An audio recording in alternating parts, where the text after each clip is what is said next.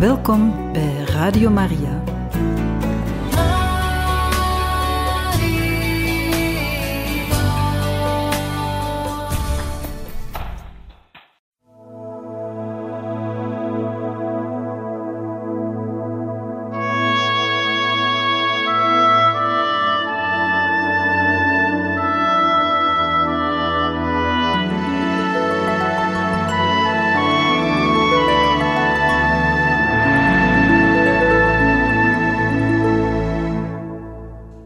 De doodstrijd van Pater Damiaan, 28 maart tot 14 april 1889.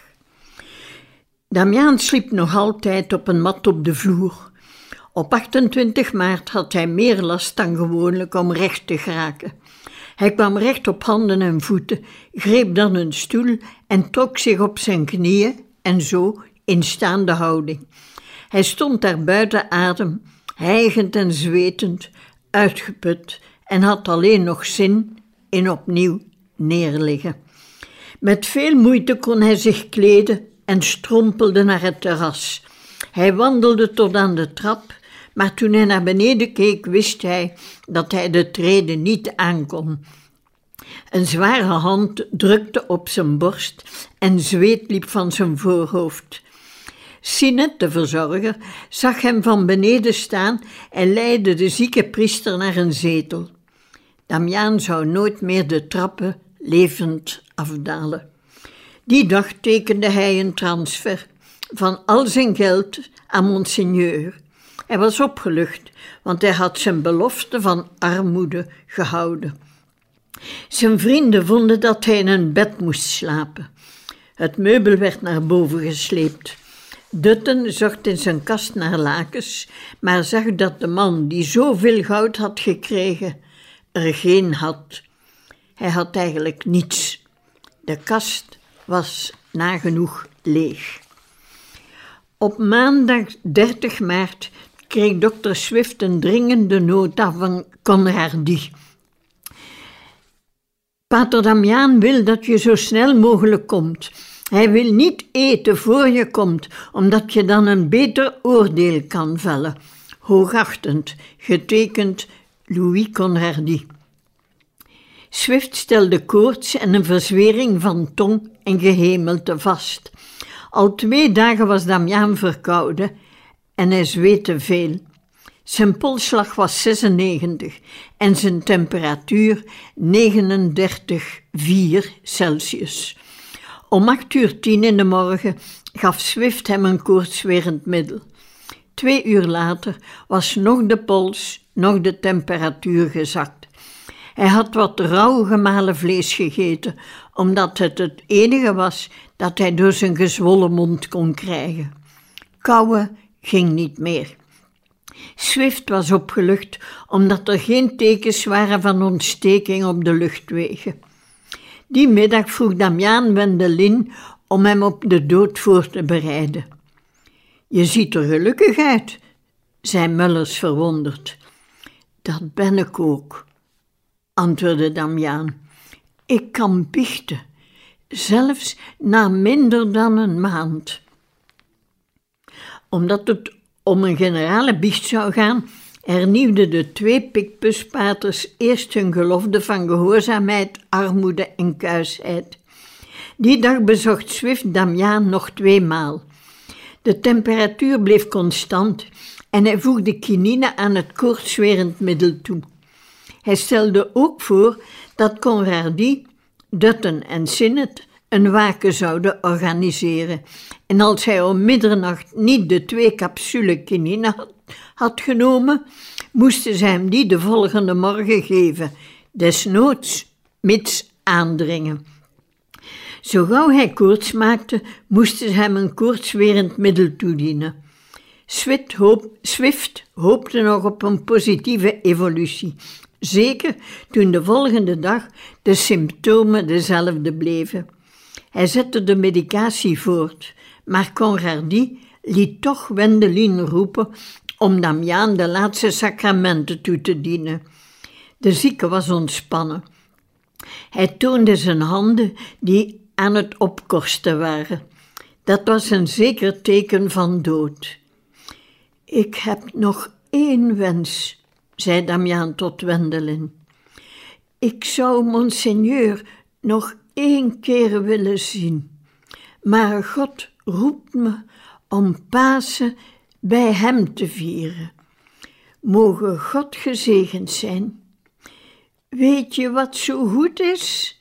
ging hij door. Ik ben zo lang alleen geweest en nu zijn er twee priesters en drie zusters bij me. Ik kan nu zeggen, Nunc dimittis, ik doe afstand. De toekomst van het werk bij de arme Melaatse is verzekerd. Ik ben niet meer nodig. Ik kan vertrekken. Einde citaat. Vader, zei Wendelin met een krop in zijn keel, als je daarboven bent, zal je toch je wezen niet vergeten? Oh nee, antwoordde hij, als ik wat krediet van God krijg, zal ik voor iedereen in dit asiel tussenkomen. Wendelins verzoek was onverwacht. Mag ik je jas hebben? vroeg hij en wees naar de nieuwe alpaca-jas die Damiaan maar enkele keren had aangehad. Ik zou je jas zoals Eli willen hebben. Ik zou je grote liefde willen overnemen. Wat zou je met mijn jas doen? zuchtte Damiaan. Die zit vol lepra. Wil je me dan zegenen? vroeg Wendelin. De dag ervoor had Damian aan Wendelin zijn levensbiecht gezegd. In principe, alle zonden die hij ooit begaan had, had hij toevertrouwd. Nu vroeg Wendelin hem wenend om hem te zegenen.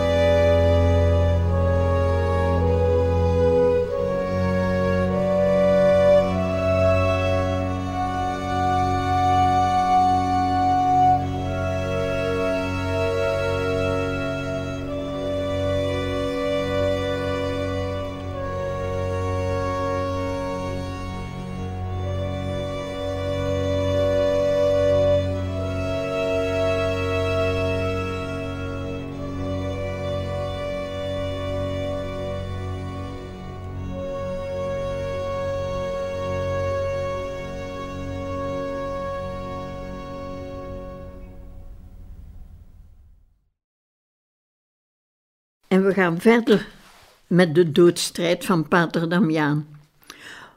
Omdat op 1 april de temperatuur steeg, verhoogde dokter Swift de dosis koortswerend middel. Om het uur moest Damiaan enkele greinen van het verdovend middel chloral krijgen, tot hij zou slapen. De waken moest dag en nacht gehouden worden. Middernacht werd een belangrijk ogenblik. Een beetje na elf uur herinnerde Damiaan Sinet eraan dat het tijd was voor de voorbereidende gebeden voor de communie. De stervende man bad een half uur. Sinet maakte Conradi wakker om half twaalf. Samen haalden ze het heilig sacrament uit de kerk. James verlichtte het pad met de lantaarn en rinkelde een heldere bel. Conradi gaf de communie om klokslag middernacht. Damiaans toestand verbeterde begin april en hij was zelfs sterk genoeg om enkele bezoekers te ontvangen. Ook aan Ambrose Hutchison zei Damiaan dat hij Pasen in de hemel zou doorbrengen. Meijer trachtte over gewone dingen te spreken. Het ultieme vaarwel viel hem zwaar. Die avond rapporteerde Meijer aan de raad, citaat, arme pater Damiaan is ernstig ziek. Hij heeft hoge koorts en mijn belangrijkste opdracht kan nu nog alleen zijn om zijn dood te rapporteren. Maar zoals je vaker ziet, misschien geraakt hij er nog door. Einde citaat. Meijer bracht de nacht door in de leproserie. De volgende dag was zijn rapport minder goed. Citaat: Pater Damian is zwaar ziek. Ik hoop dat hij er zich kan doorsleuren. Vanmorgen was hij heel slecht. Einde citaat. Zijn temperatuur was 37,7. Zijn pols raasde op 116. Op 4 april zakte zowel temperatuur als pols tot in de 90 en Swift wilde dat hij melk gemengd met eieren en rum zou drinken.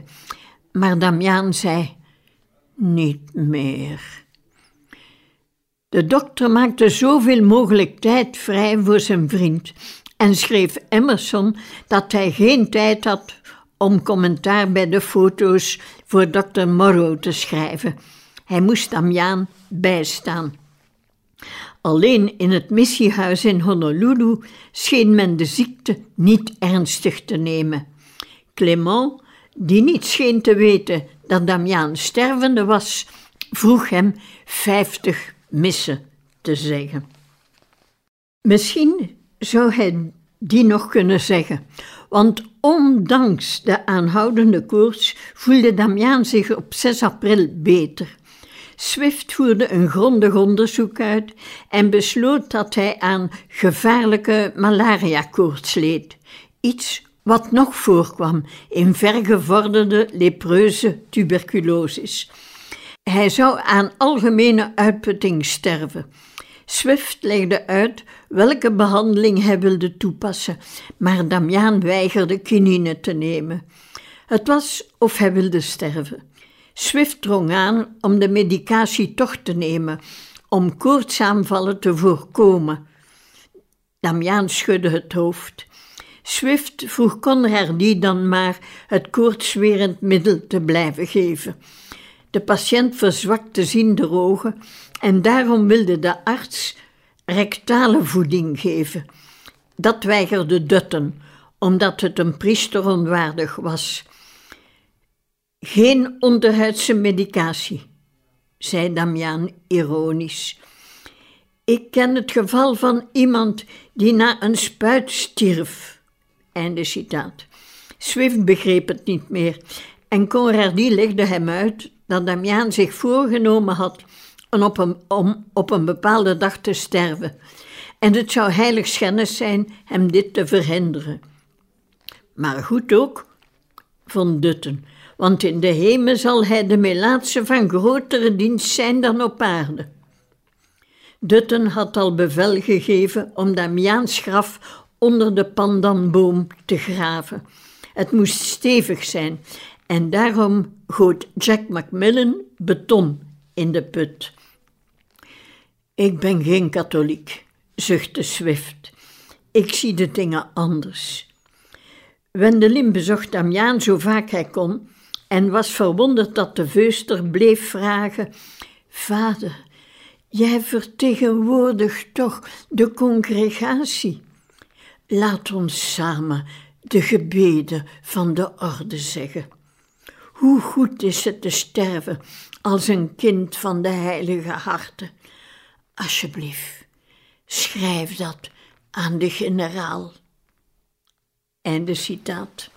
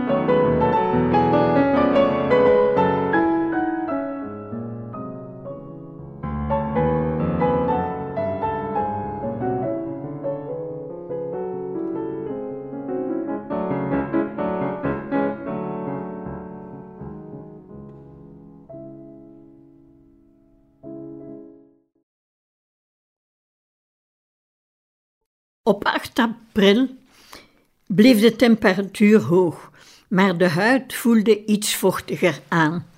Na de middernachtcommunie aanvaarde Damiaan een grein kinine te nemen, maar de volgende dag steeg de temperatuur. Swift liet hem nu een ons whisky toddy drinken, een mengsel van heet water, suiker en de sterk alcoholische drank. Die avond zakte de temperatuur van 40 graden tot 38,3. Kukkeman schreef aan de generaal dat Damiaan mogelijk al dood was. Hij had gehoopt hem nog levend aan te treffen tijdens zijn gepland bezoek aan het asiel. Hij hoopte nog meer dat de dood van de martelaar geen nieuwe problemen zou geven. Damiaan had alles gedaan wat hem gevraagd was. Het fonds, 3700 dollar, stond op de bank op naam van de bisschop, maar wel op een aparte rekening. Wendelin mocht het geld uitsluitend voor de Melaatse gebruiken. Conradie was redelijker geworden, terwijl Wendelin een bittere, zure man bleek met een zwak gestel. Die zou nooit alleen in het asiel overleven. Conradie kon voorlopig blijven. Ook nu zat de ware boodschap in het postscriptum. Citaat. Als het nieuws van Damiaans dood ons zal bereiken, zal ik hem in het publiek loven. De problemen houden wij onder ons. Ik zal een plechtige gedenkdienst voor hem houden. Einde citaat. Maar Damiaan was nog niet dood. Op 11 april gaf Swift Damiaan nog een whisky toddy aan om, aan het koude gevoel, om het koude gevoel te verhelpen. En Damiaan nam ook twee keer kinine.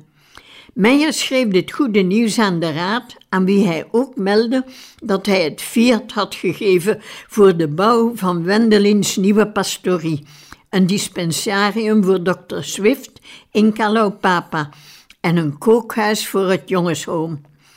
Er kwam ook een nieuw hek rond het hospitaal, want het oude was volledig rot. De twee nieuwe kerkhoven lagen op grotere afstand van de dorpskom en de lijkwagen voor Wendelin was veilig overgebracht. Het ging beter met Damiaan en Meijer dacht zelfs dat hij niet zou sterven. Als een grapje voegde hij eraan toe: Zelfs heiligen en martelaren moeten soms een beetje geduld uitoefenen.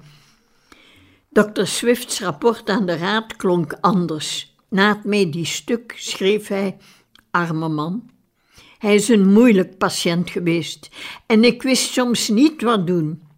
Hij is zich nu volledig bewust van zijn toestand en volgt gewillig mijn aanwijzingen.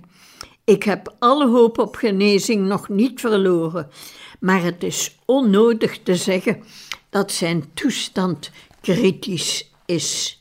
Tot 12 april droegen Sinet en Dutton Damiaan elke dag naar de veranda zodat hij wat in de zon kon rusten. De kinderen liepen naar zijn huis om hem van op het grasveld te groeten. Ook volwassenen bleven rond de pastorie hangen en analyseerden de gezichten van de bezoekers. Een zucht, een glimlach, een woedende trek, irritatie beschreven de ware toestand van de zieke. Maar zolang ze hem daar zagen zitten, gewikkeld in dekens, was hun macua, hun katholieke priester, nog een realiteit. Op 12 april zei Damiaan: Niet meer, ik ben aan bed genageld. Ondanks de koorts die bleef aanhouden, was Damiaan nog helder genoeg van geest om aan Dutten te vragen alle betalingen te doen en de papieren, de boekhouding in orde te brengen. Alles moest overgemaakt worden aan Bishop Bank, zodat ze de rekening konden sluiten. Alles wat met het fonds te maken had, zoals de brieven uit Engeland, moesten bewaard worden. Op 13 april suggereerde Swift een melklavement, maar Damiaan weigerde, ook deze keer. Hij wilde wel een gesuikerde whisky toddy nemen tegen de kou. Om één uur s middags nam hij twee capsules kinine. Hij wilde rusten tot de zusters kwamen. De eerste keer dat ze voorstelde hem te bezoeken, had Damiaan geweigerd, maar deze keer liet hij hen toe. Toen de zusters binnenkwamen, hief Damiaan de hand op. De verpleegsters zagen meteen dat zijn smal bed slecht was opgemaakt. Hij had gewoeld, gezweet, maar hij scheen opgewekt. De zusters knielden naast het bed en vroegen Damiaan hen te zegenen. Met zijn rechterhand vol wonden maakte hij een kruis. Zuster Vincent drukte haar gezicht tegen de lappendeken en weende, want zo vroeg ze zich af, kon ze ooit zoveel voor God doen? Pater, snikte ze, kan u voor ons bidden als u in de hemel bent? Ik zal voor u bidden als ik daar enige invloed heb. Ze wilde niet lang blijven. Na de minste inspanning was hij buiten adem. Als ze opstonden, hief hij de hand, alsof hij nog iets te zeggen had. Maar hij had geen stem. Hij trachtte een paar keer diep in te ademen en fluisterde dan: Will see, will you see to my boys? Hij herhaalde: Willen jullie voor mijn jongens zorgen? Die belofte zou gemaakt zijn. Die dag begon de diarree die hem fataal zou worden. Dr. Swift mocht nu een stijfsel en opiumlavement geven. De arts schreef over deze doodstrijd aan een collega. Citaat: Dit was nu een man die niet had moeten sterven. Hier was een ziekte waarvoor we bijna een geneesmiddel hebben. Ik heb niet op lepra gewerkt, want dat was niet de voornaamste factor in dit geval. Als het zo zou geweest zijn, dan zou ik er niets aan hebben kunnen doen. Dr. Swift wist hoe bekend Damiaan nu al was en hij besloot een fotodocument voor de toekomst te maken. Dutton was er tegen, maar hielp wel Damiaan rechtzetten. Half bij bewustzijn keek Damiaan naar de dokter, die de camera op een drievoet zette aan de voet van het bed. De arts dook onder het doek dat van de camera afhing, als onder een baarkleed. Dutten duwde Damiaan nog even recht en trok zich op het juiste ogenblik terug. Omdat hij zeker wilde zijn, maakte Swift verschillende opnamen. Damiaan keek met een licht verdwaasde, zachte, haast bedelende blik recht in de lens.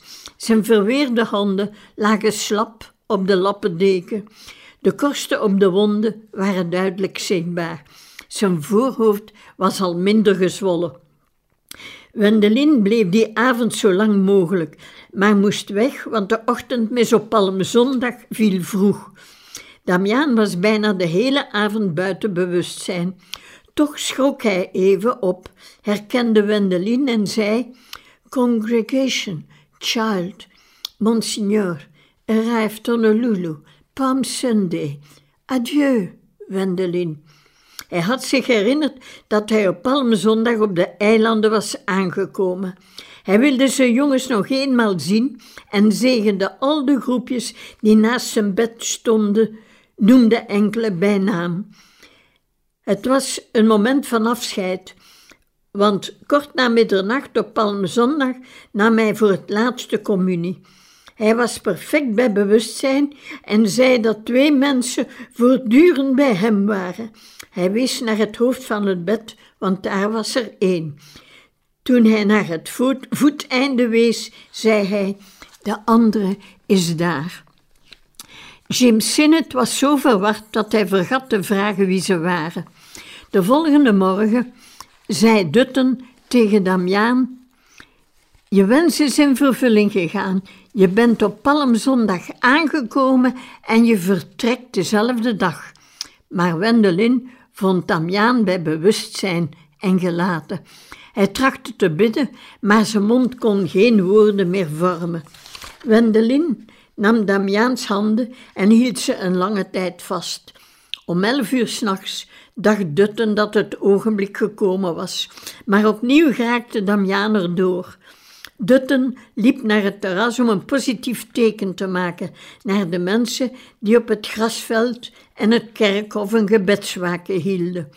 Conradi had in de kerk een aanbidding van het Heilig Sacrament georganiseerd en ook de kerk zat de hele nacht vol. Veel patiënten wilden naar boven gaan om te kijken of hun katholieke priester wel een masserende massage gekregen had. Hij mocht niet eenzaam gaan, maar ze werden tegengehouden. Zijn sterven was al een geholen zaak. Bij zonsopgang hield Sinnet een gewijde kaars bij Damiaan, terwijl Conradi de gebeden der stervende zei. Wendelin kreeg om zeven uur s morgens het bericht dat Damiaan wegleed. Onderweg naar Calawao gaf een andere koerier hem het bericht dat Damiaan om acht uur s morgens in Sinets armen ontslapen was. Toen Wendelin aankwam, lag het lijk al op de eettafel gekleed in witte kasuifel met albe, stool en manipel. Conradi en de broeders hadden de vestimenten over de soutane getrokken. Ze vergaten zijn zakken leeg te maken en zo kwam het dat Damiaan begraven werd met zijn timmermans potlood op zak. Hij, zag er, hij lag er rustig bij. Het leek of hij even sliep vooraleer een feestmis te zeggen. De zusters kwamen ook naar Calawao en werden door Conradi, wiens ogen rood beweend waren, verwelkomd. Het viel hen op dat het grasveld vol zat met wenende stille mensen. Schapen zonder herder, noemde zuster Leopoldine hen. Ze was er het hart van in, voelde diepe rouw.